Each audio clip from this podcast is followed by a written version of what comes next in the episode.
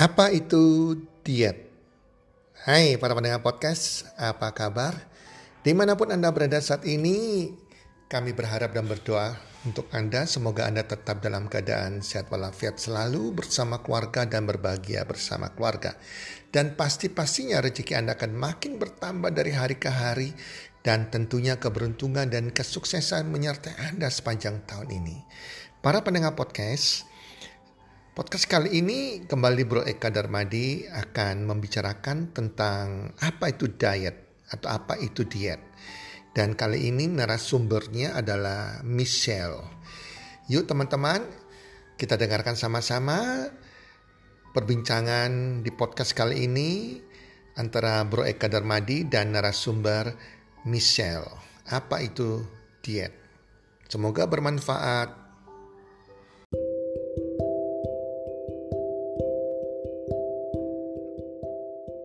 Halo semua, pada episode podcast kali ini kita akan membahas tentang apa itu diet. Nah, pada kesempatan kali ini saya mengundang Michelle sebagai pembicara kita. Halo Michelle. Halo, halo. Iya, uh, thank you ya Michelle udah meluangkan waktu di podcast kita kali ini ya. Wah, aku yang thank you nih harusnya udah bisa jadi speaker di sini. What an honor ya. Oke. Nah, Michelle, kita ini kan lagi mau bahas tentang diet ya Michelle ya. Nah, Iya. uh, menurut Michelle diet itu apa sih? Arti diet itu apa sih? Um, menurut Michelle sendiri sih diet itu kayak lifestyle sih, karena memang uh, diet itu nggak terpengaruh hanya karena kayak kita lagi kelebihan berat badan atau kita kayak merasa nggak nyaman, tapi diet itu adalah sebuah habit yang kita harus lakukan sampai seumur hidup sih untuk bisa menunjang uh, kesehatan kita juga gitu. Oke. Nah, uh, di masyarakat itu kan ada sebuah persepsi diet yang kurang tepat ya. Maksudnya diet yang mungkin salah gitu. Ibaratnya gini, saya pernah dengar kayak oh misalnya saya saya mau mau nurunin berat badan nih misalnya. Itu yang dilakukan adalah kayak uh saya saya tidak makan seharian. Misalnya seperti itu. Nah, ini kan tentu kayak ada sebuah persepsi yang salah tentang diet. Nah, menurut Michelle itu persepsi yang salah tentang diet yang beredar di masyarakat itu kayak gimana, Michelle? Hmm, sebenarnya sih orang itu biasa patokan kalau diet itu kan eh, kalau mau lebih kurusan itu kalori yang masuk harus lebih dikit daripada kalori yang keluar kan. Sehingga kadang mereka itu ambil cara insarnya dengan cara nggak makan atau kayak em, lumayan memforsir diri sendiri lah tapi sebenarnya diet yang baik itu otomatis bukan dengan logisnya seperti itu gitu. Karena tubuh kita ini ibarat seperti mesin tubuh ini juga memerlukan banyak nutrisi. Sehingga nggak semata-mata hanya dengan kita tidak makan lalu kita menjadi lebih kurus kayak gitu. Oke. Nah, eh, kalau Michelle boleh share nih, komponennya diet itu apakah hanya bicara soal makanan aja atau ada lainnya, misalnya olahraga, stres, atau kayak gimana ini, Michelle? Sebenarnya kalau komponennya dia sendiri itu kembali lagi ke lifestyle karena memang diet itu adalah sesuatu yang kita lakukan sampai seterusnya. Tetapi kembali lagi kita tidak berpatok kepada angka timbangan karena em, seiring dengan waktu nih kalau misalnya dulu waktu kecil kita mungkin waktu bayi kita cukup nutrisinya hanya dari ASI atau cuma dari susu. Tapi seiring dengan waktu kita makin beranjak dewasa, otomatis kita juga memerlukan nutrisi seperti karbohidrat, protein, mineral, em, serat kayak gitu. Dan juga em, diet sendiri itu berpatok leb- mungkin banyaknya 80% di makanan, 20% di olahraga gitu. Jadi kadang orang itu mikir bahwa oh nggak apa-apa aku makan banyak nanti aku olahraganya juga banyak gitu. Tetapi tubuh kita tuh nggak semata-mata setelah kita makan langsung kita bakar dengan olahraga. Juga ada faktor kurang tidur juga, ada faktor stres juga. Jadi sebenarnya kembali lagi diet itu adalah lifestyle. Oke. Nah, menurut Michelle nih, apakah setiap orang itu memiliki kayak kebutuhan diet yang berbeda-beda atau kayak bisa dipukul rata dengan ya kalau mau diet itu harus ini ini ini Um, kalau jadi Michelle kan sekarang lagi uh, setelah ikut program nih, jadi memang di programnya ini memang kita dibantu untuk punya pola hidup yang sehat. Sebenarnya kalau misalnya bilang secara general, diet itu hal yang dilakukan adalah sama gitu. Jadi memang ya kembali ke olahraga yang normal seperti ya lebih baik kayak cuman 10 sampai 15 menit setiap harinya daripada kayak kita forsir 2 3 jam di gym tapi tidak maksimal gitu. Lalu untuk makan sendiri nggak selalu harus eat clean yang bener-bener nggak pakai nasi atau kayak ngurangin makan sampai gimana gitu enggak juga sih. Jadi faktor-faktor lainnya yang mendukung itu juga terpenuhi dari sisi nutrisi seperti ya vitamin-vitamin juga harus masuk gitu. Dan juga uh, tidur itu otomatis juga berpengaruh ya karena memang uh, tubuh itu kan bekerja sekitar 16 jam kalau misalnya kita tidur normal.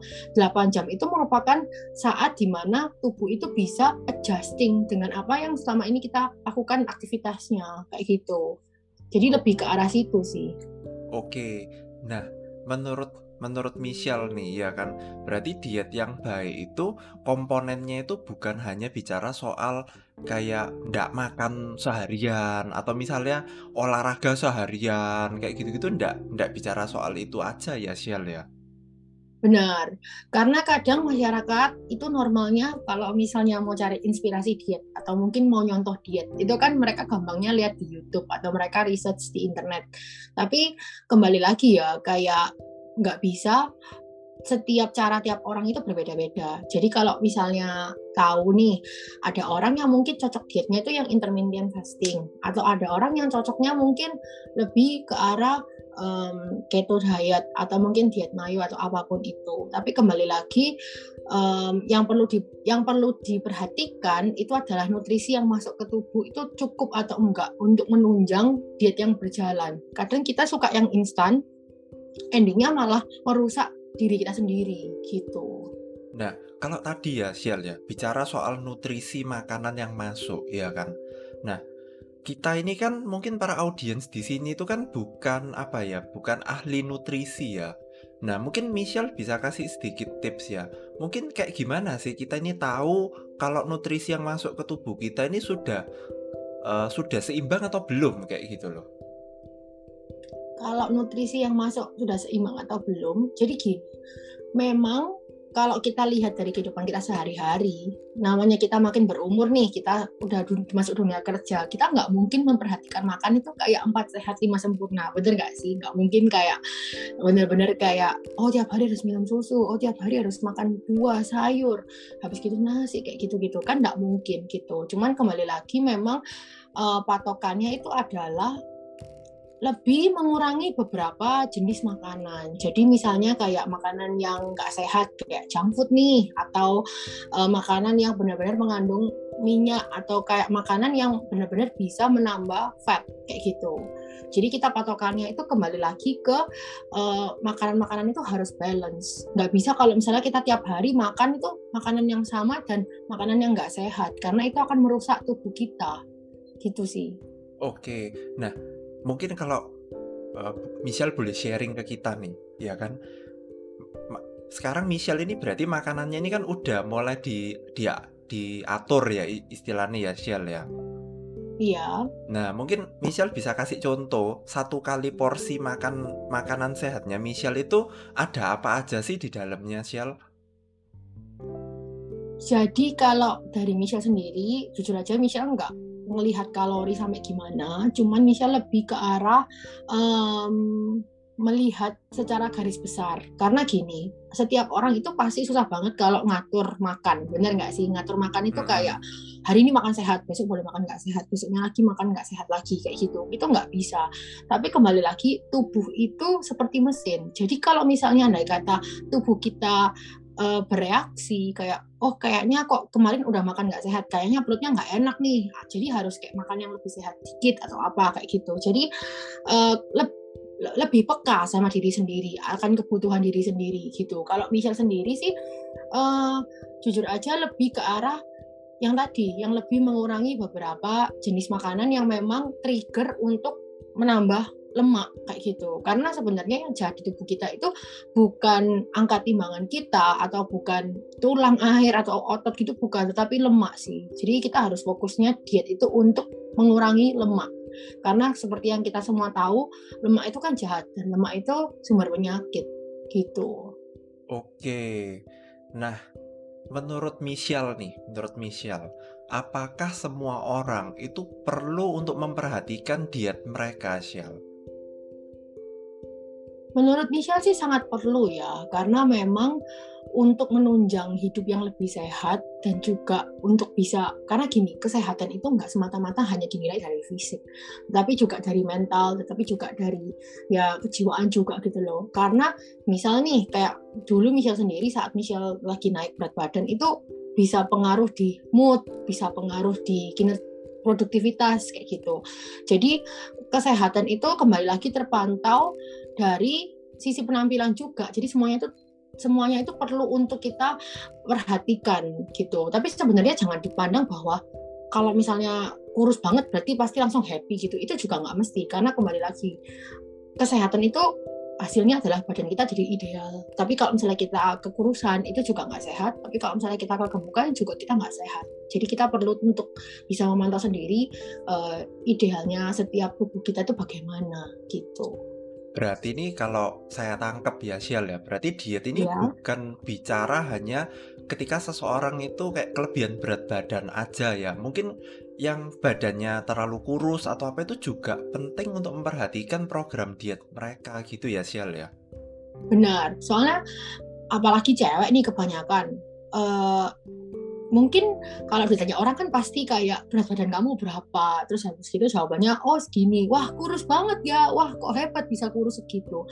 Karena di mata masyarakat yang lebih kurus itu pasti lebih bagus. Padahal yang kurus pun itu kadang beberapa orang juga sampai kena kayak semacam hmm, anoreksia bulimia kayak gitu. Karena apa? Karena patokan mereka bukan di uh, komposisi tubuh mereka tetapi patokan mereka adalah angka timbangan gitu Oke, tadi tentang dua penyakit yang Michelle tadi sempat cerita, mungkin bisa dijelasin secara singkat itu penyakit apa sih kayak gitu?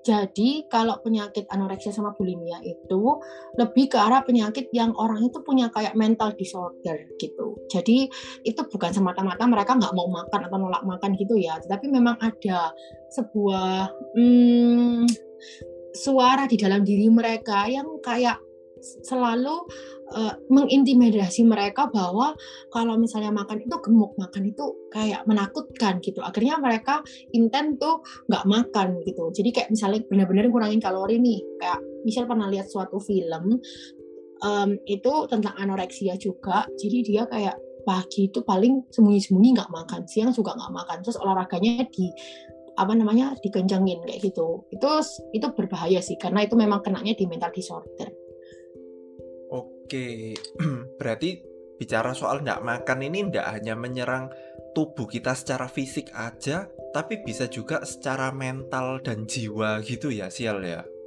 Benar banget. Oke, nah Michelle, ya kan, menurut kamu ya sebagai seorang wanita ya, apakah kayak kecantikan seorang wanita atau apa ya ketertarikan seorang pria terhadap wanita gitulah ya istilahnya itu apakah selalu ditentukan dari besar atau kecilnya badan wanita itu?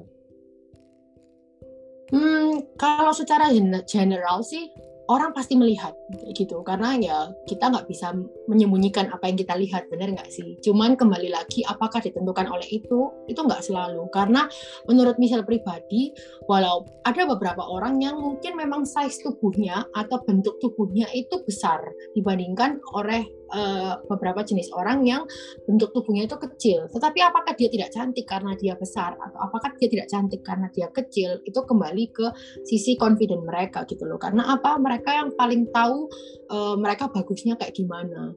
Karena nggak selalu yang tinggi harus kurus banget atau yang kayak kecil harus gemuk banget. Jadi kembali kita harus patokan ke bentuk tubuh ideal mereka, mereka lebih nggak insecure-nya kayak gimana, sehingga nanti akan muncul confidence dari dalam diri mereka yang bisa membuat mereka tampil lebih cantik, kayak gitu. Oke, oke. Berarti di dalam kecantikan seorang wanita itu sebenarnya bukan hanya ditentukan dari apa yang orang nilai dari luar ya, tapi lebih ke arah dari wanita itu sendiri menilai dirinya itu seperti apa ya, Sial ya. Benar, karena memang ya dari wanita tuh kita kayak ada aura dari dalam gitu loh. Kalau misalnya kita pede sama diri kita tapi kalau misalnya auranya nggak bisa keluar kita kayak selalu merasa insecure dengan tubuh kita kita nggak bisa menerima diri kita sendiri apa adanya itu mengakibatkan bagaimana orang sekitar kita melihat kita tuh juga menjadi pengaruh gitu betul betul itu ibaratnya kayak inner beauty gitu ya sial ya Benar. Oke, nah sial, misalnya gini ya, ada orang yang merasa bahwa aku tuh sudah mencoba untuk diet, tapi kok kok secara berat badan ini tidak turun-turun. Nah, menurut Michelle, kira-kira eh, ada apa ini yang salah ya? Kenapa kok ada orang yang mencoba diet tapi tidak berhasil, dan ada orang yang yang diet dan berhasil? Kira-kira ini kenapa ini, Sial? Jadi gini, kalau dari pengalaman Michelle pribadi, Michelle dulu waktu kayak masih belasan tahun, masih zamannya SMA gitu, uh, sering melakukan diet yang termasuk instan dan termasuk kurang sehat, sehingga mengakibatkan mesin tubuhnya itu rusak gitu. Jadi pada saat sekarang mencoba diet lagi, kok nggak turun-turun ya beratnya, atau kok kayaknya nggak maksimal kayak dulu diet yang pernah dilakuin. Itu karena uh, seperti kata Michelle tadi, tubuh itu seperti mesin. Kalau misalnya mesinnya kita sering pakai dengan instan, lalu kita pakai dengan kayak lumayan ngeforsir, itu sehingga nanti dia dari dalam itu sudah hancur, gitu. Sehingga mengakibatkan ya seperti tadi, kembali lagi kalau misalnya mau tanya gimana diet yang bisa baik dan berhasil, itu patokannya tetap di nutrisi. Jadi anggapannya kalau misalnya mesinnya udah rusak, kita perbaiki dulu dari komposisi tubuh, nanti menyebabkan dia akan bisa heal back kayak gitu. Hmm, oke okay, oke. Okay. Nah, Michelle, kamu tadi kan bilang kamu itu kan punya sebuah perjalanan diet ya. Iya. Nah, kalau misalnya Michelle nggak keberatan, boleh dong di-share perjalanan dietmu itu kayak gimana sih? Um, jadi kalau misalnya, misalnya ini sebenarnya suka banget dulu kayak googling uh, kayak tentang diet-diet apa pun lah, nyoba diet apa pun lah, diet artis, diet nggak makan, diet cuma minum air, diet cuma makan telur, diet yang catering, itu semua udah pernah cobain gitu. Dan akhirnya diet-diet bikin sendiri dengan menu masakan sendiri, itu it clean semua itu sudah pernah coba gitu. Tetapi kadang karena terlalu memforsir mengakibatkan itu Michelle sempat kayak pernah rambutnya rontok, pernah sempat nggak menstruasi kayak gitu. Dan Michelle sadar, oh, kok kayaknya sama aja jadi lebih nggak sehat. Lalu diet-diet yang instan tersebut mengakibatkan juga tubuhnya rusak, lalu rebound, jadi kayak kembali lagi. Kan namanya cewek nih, kita kalau misalnya kayak nah pagi-pagi bangun lihat timbangan terus timbangannya naik tuh pasti stres pasti pengaruh banget di kayak menjalani hari gitu kan.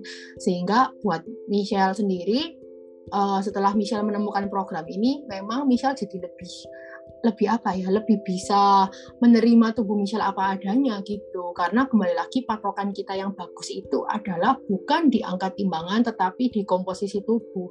Jadi kita perlu tahu nih lemak kita berapa persen otot kita berapa persen lalu um, dari bentuk tubuh kita tuh juga gimana gitu. Jadi kembali lagi idealnya nggak selalu dari misal cewek nih kayak berat badan uh, bukan tinggi badan dikurangin 110 itu bukan sebuah um, apa ya kayak patokan umum gitu bukan gitu.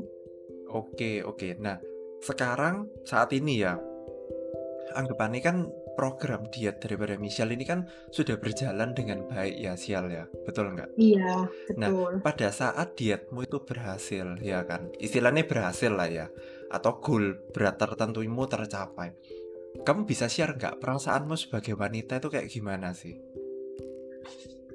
Jujur setelah selesai program itu lumayan sangat bisa menghargai diri sendiri sih, lebih lebih ke arah dari dalam. Kayak wow ternyata hmm, bisa secantik ini gitu, maksudnya bisa lebih apa ya kayak menem kayak be the best version of myself kayak gitu.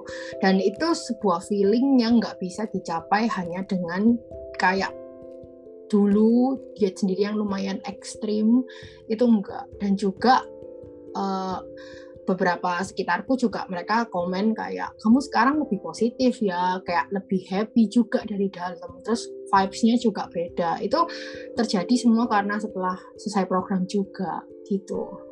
Oke nah dulu nih Michelle ya. Apa yang memotivasi Michelle untuk diet Michelle? Memotivasi itu karena gini sebelum menemukan program ini uh, misal kan ditimbang nih pakai timbangan omron. Jadi ini timbangan yang khusus rumah sakit standarnya gitu.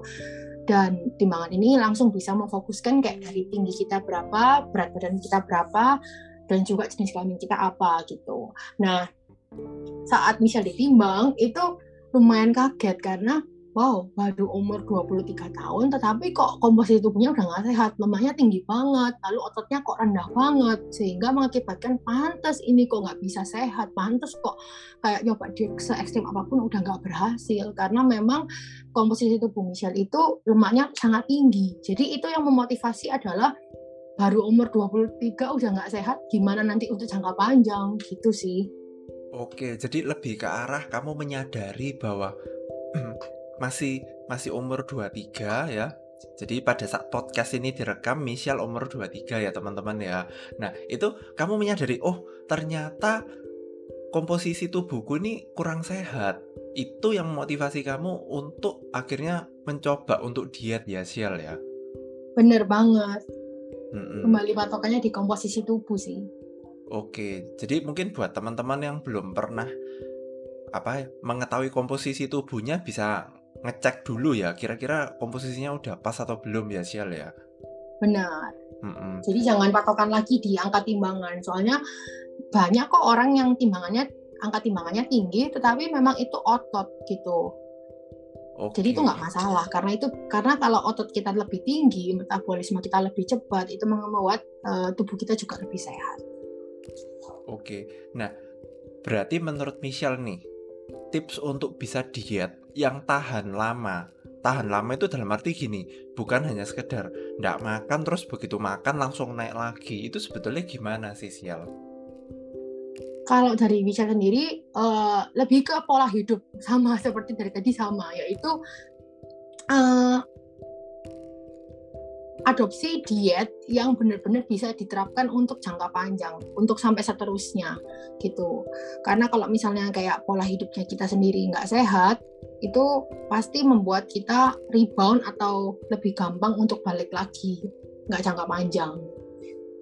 Oke, nah kalau misalnya ya teman-teman pendengar di sini ya ada yang merasa bahwa dietnya mereka ini mungkin salah, tidak tepat, ya kan? Nah, menurut Michelle, ya buat orang-orang yang tersadar ya atau bahwa pola dietnya mereka ini sebetulnya salah. Cara memulai memulai langkah untuk memulai diet yang benar itu kayak gimana sih Um, kalau memulai langkahnya sih mungkin bisa konsultasi ke Michelle juga boleh ya. Kayak untuk tahu sebenarnya resep diet yang sehat itu kayak gimana gitu. Karena di program yang Michelle ini kita bukan program yang mengurangi makan. Jadi kita tetap makan tetapi kita fokusnya di mengurangi lemak tubuh gitu. Jadi kita tetap ada breakfast, lunch sama dinner yang nanti bisa diadopsi sampai jangka panjang juga Oh, tapi mungkin bisa diceritain kayak apa ya? Mungkin previewnya mungkin. Previewnya sih lebih ke arah ya kayak kalau breakfast gitu ya kita tetap harus makan pagi terus habis itu siang terus kita malam juga terus juga olahraganya normal aja cuman 10 sampai 15 menit setiap hari itu lebih baik daripada 2 3 jam seminggu tiga kali lalu kita forsir lalu juga Uh, kalau di program ini sendiri sih kita memang program kesehatan ya, bukan program diet. Program kesehatan karena apa? Karena uh, sumber penyakit manusia itu cuma di lemak. Jadi memang kita maunya fokusnya itu di mengurangi lemak-lemaknya. Oke, berarti di dalam program dietnya Michelle ini adalah berfokus kepada mengurangi lemak di dalam tubuh gitu ya, Sial ya. Benar, soalnya um, kembali lagi kalau misalnya kadang kita diet sendiri nih, kita nggak pernah tahu yang turun itu apakah air atau otot. Sehingga kalau misalnya yang turun itu air maupun otot, uh, secara masa, secara volume memang kayak wah happy ya timbangannya turunnya banyak. Tapi kalau secara masa itu lebih masih lebih gede daripada lemak gitu sih. Oke, saya baru tahu loh Syar. Kalau misalnya ternyata berat badan turun itu bisa jadi bukan lemaknya yang berkurang, tapi apa ototnya yang berkurang atau airnya yang berkurang ya Sial ya. Iya benar, soalnya gini nih, kalau misalnya Michelle adopsi dari uh, kita coba detox dengan cuma minum jus aja ya tiga hari gitu. Oke, secara angka timbangan turun, tetapi tubuh itu untuk beraktivitas membutuhkan energi. Misalnya kita bangun pagi, kita mau mandi, kita um, melakukan aktivitas tersebut itu udah butuh energi. Tapi kalau misalnya nggak mendapat energi dari makanan yang tepat, dia akan membakar lemak untuk menjadi eh, sorry membakar otot untuk menjadi energi. Jadi otomatis ototnya yang berkurang gitu. Oke mantap sekali. Nah Michelle misalnya para pendengar nih ada yang mau tanya-tanya ke kamu atau penasaran nih program diet yang Michelle pakai apa itu menghubungi kamu lewat mana ya Michelle ya Uh, boleh lewat Instagram Michelle WDJAJA atau juga lewat WhatsApp juga boleh. Oke, nanti nanti kita masukin ya, kita masukin di profile picture-nya podcast ya, Michelle ya. Iya. nah, sebagai penutup nih, ada ndak ya kata-kata motivasi untuk para pendengar ini, Michelle? Hmm, kata-kata motivasi. Jadi gini, kalau dari Michelle sendiri ya, jangan pernah berpatok kepada kalau cantik itu harus um, kurus atau kalau cantik itu harus maksimal dengan memperbaiki penampilan luar, tetapi tidak memperbaiki penampilan dari dalam yaitu dari sisi mental juga. Jadi buat pendengar nih mau cewek mau cowok kita tidak tidak hanya sebatas penampilan ya kembali lagi perhatikan tubuh kita itu benar-benar dari dalam apa yang dibutuhkan. Jadi kita sehatkan dulu. Karena nggak semata-mata hidup itu cuman untuk cari duit harus produktif, harus bisa kerja keras. Kalau misalnya tubuh yang kita pakai untuk bekerja tersebut juga nggak sehat, juga nggak bisa menunjang dengan lebih luar biasa gitu. Oke, thank you Michelle.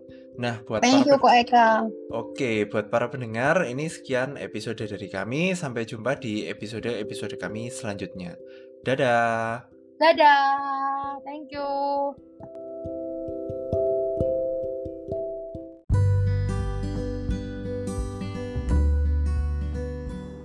Terima kasih sudah mendengarkan podcast kami. Teman, jika Anda rasa bermanfaat podcast kami ini, Anda bisa menginfokan kepada rekan kerja Anda, keluarga Anda, teman ataupun sahabat Anda. Dan jika ada hal-hal yang Anda ingin tanyakan kepada kami ataupun topik-topik apa yang Anda ingin kami bawakan, kami sampaikan, Anda bisa DM kami di Instagram kami healthcommunity.id. Salam one two three, salam sehat, sejahtera dan bahagia.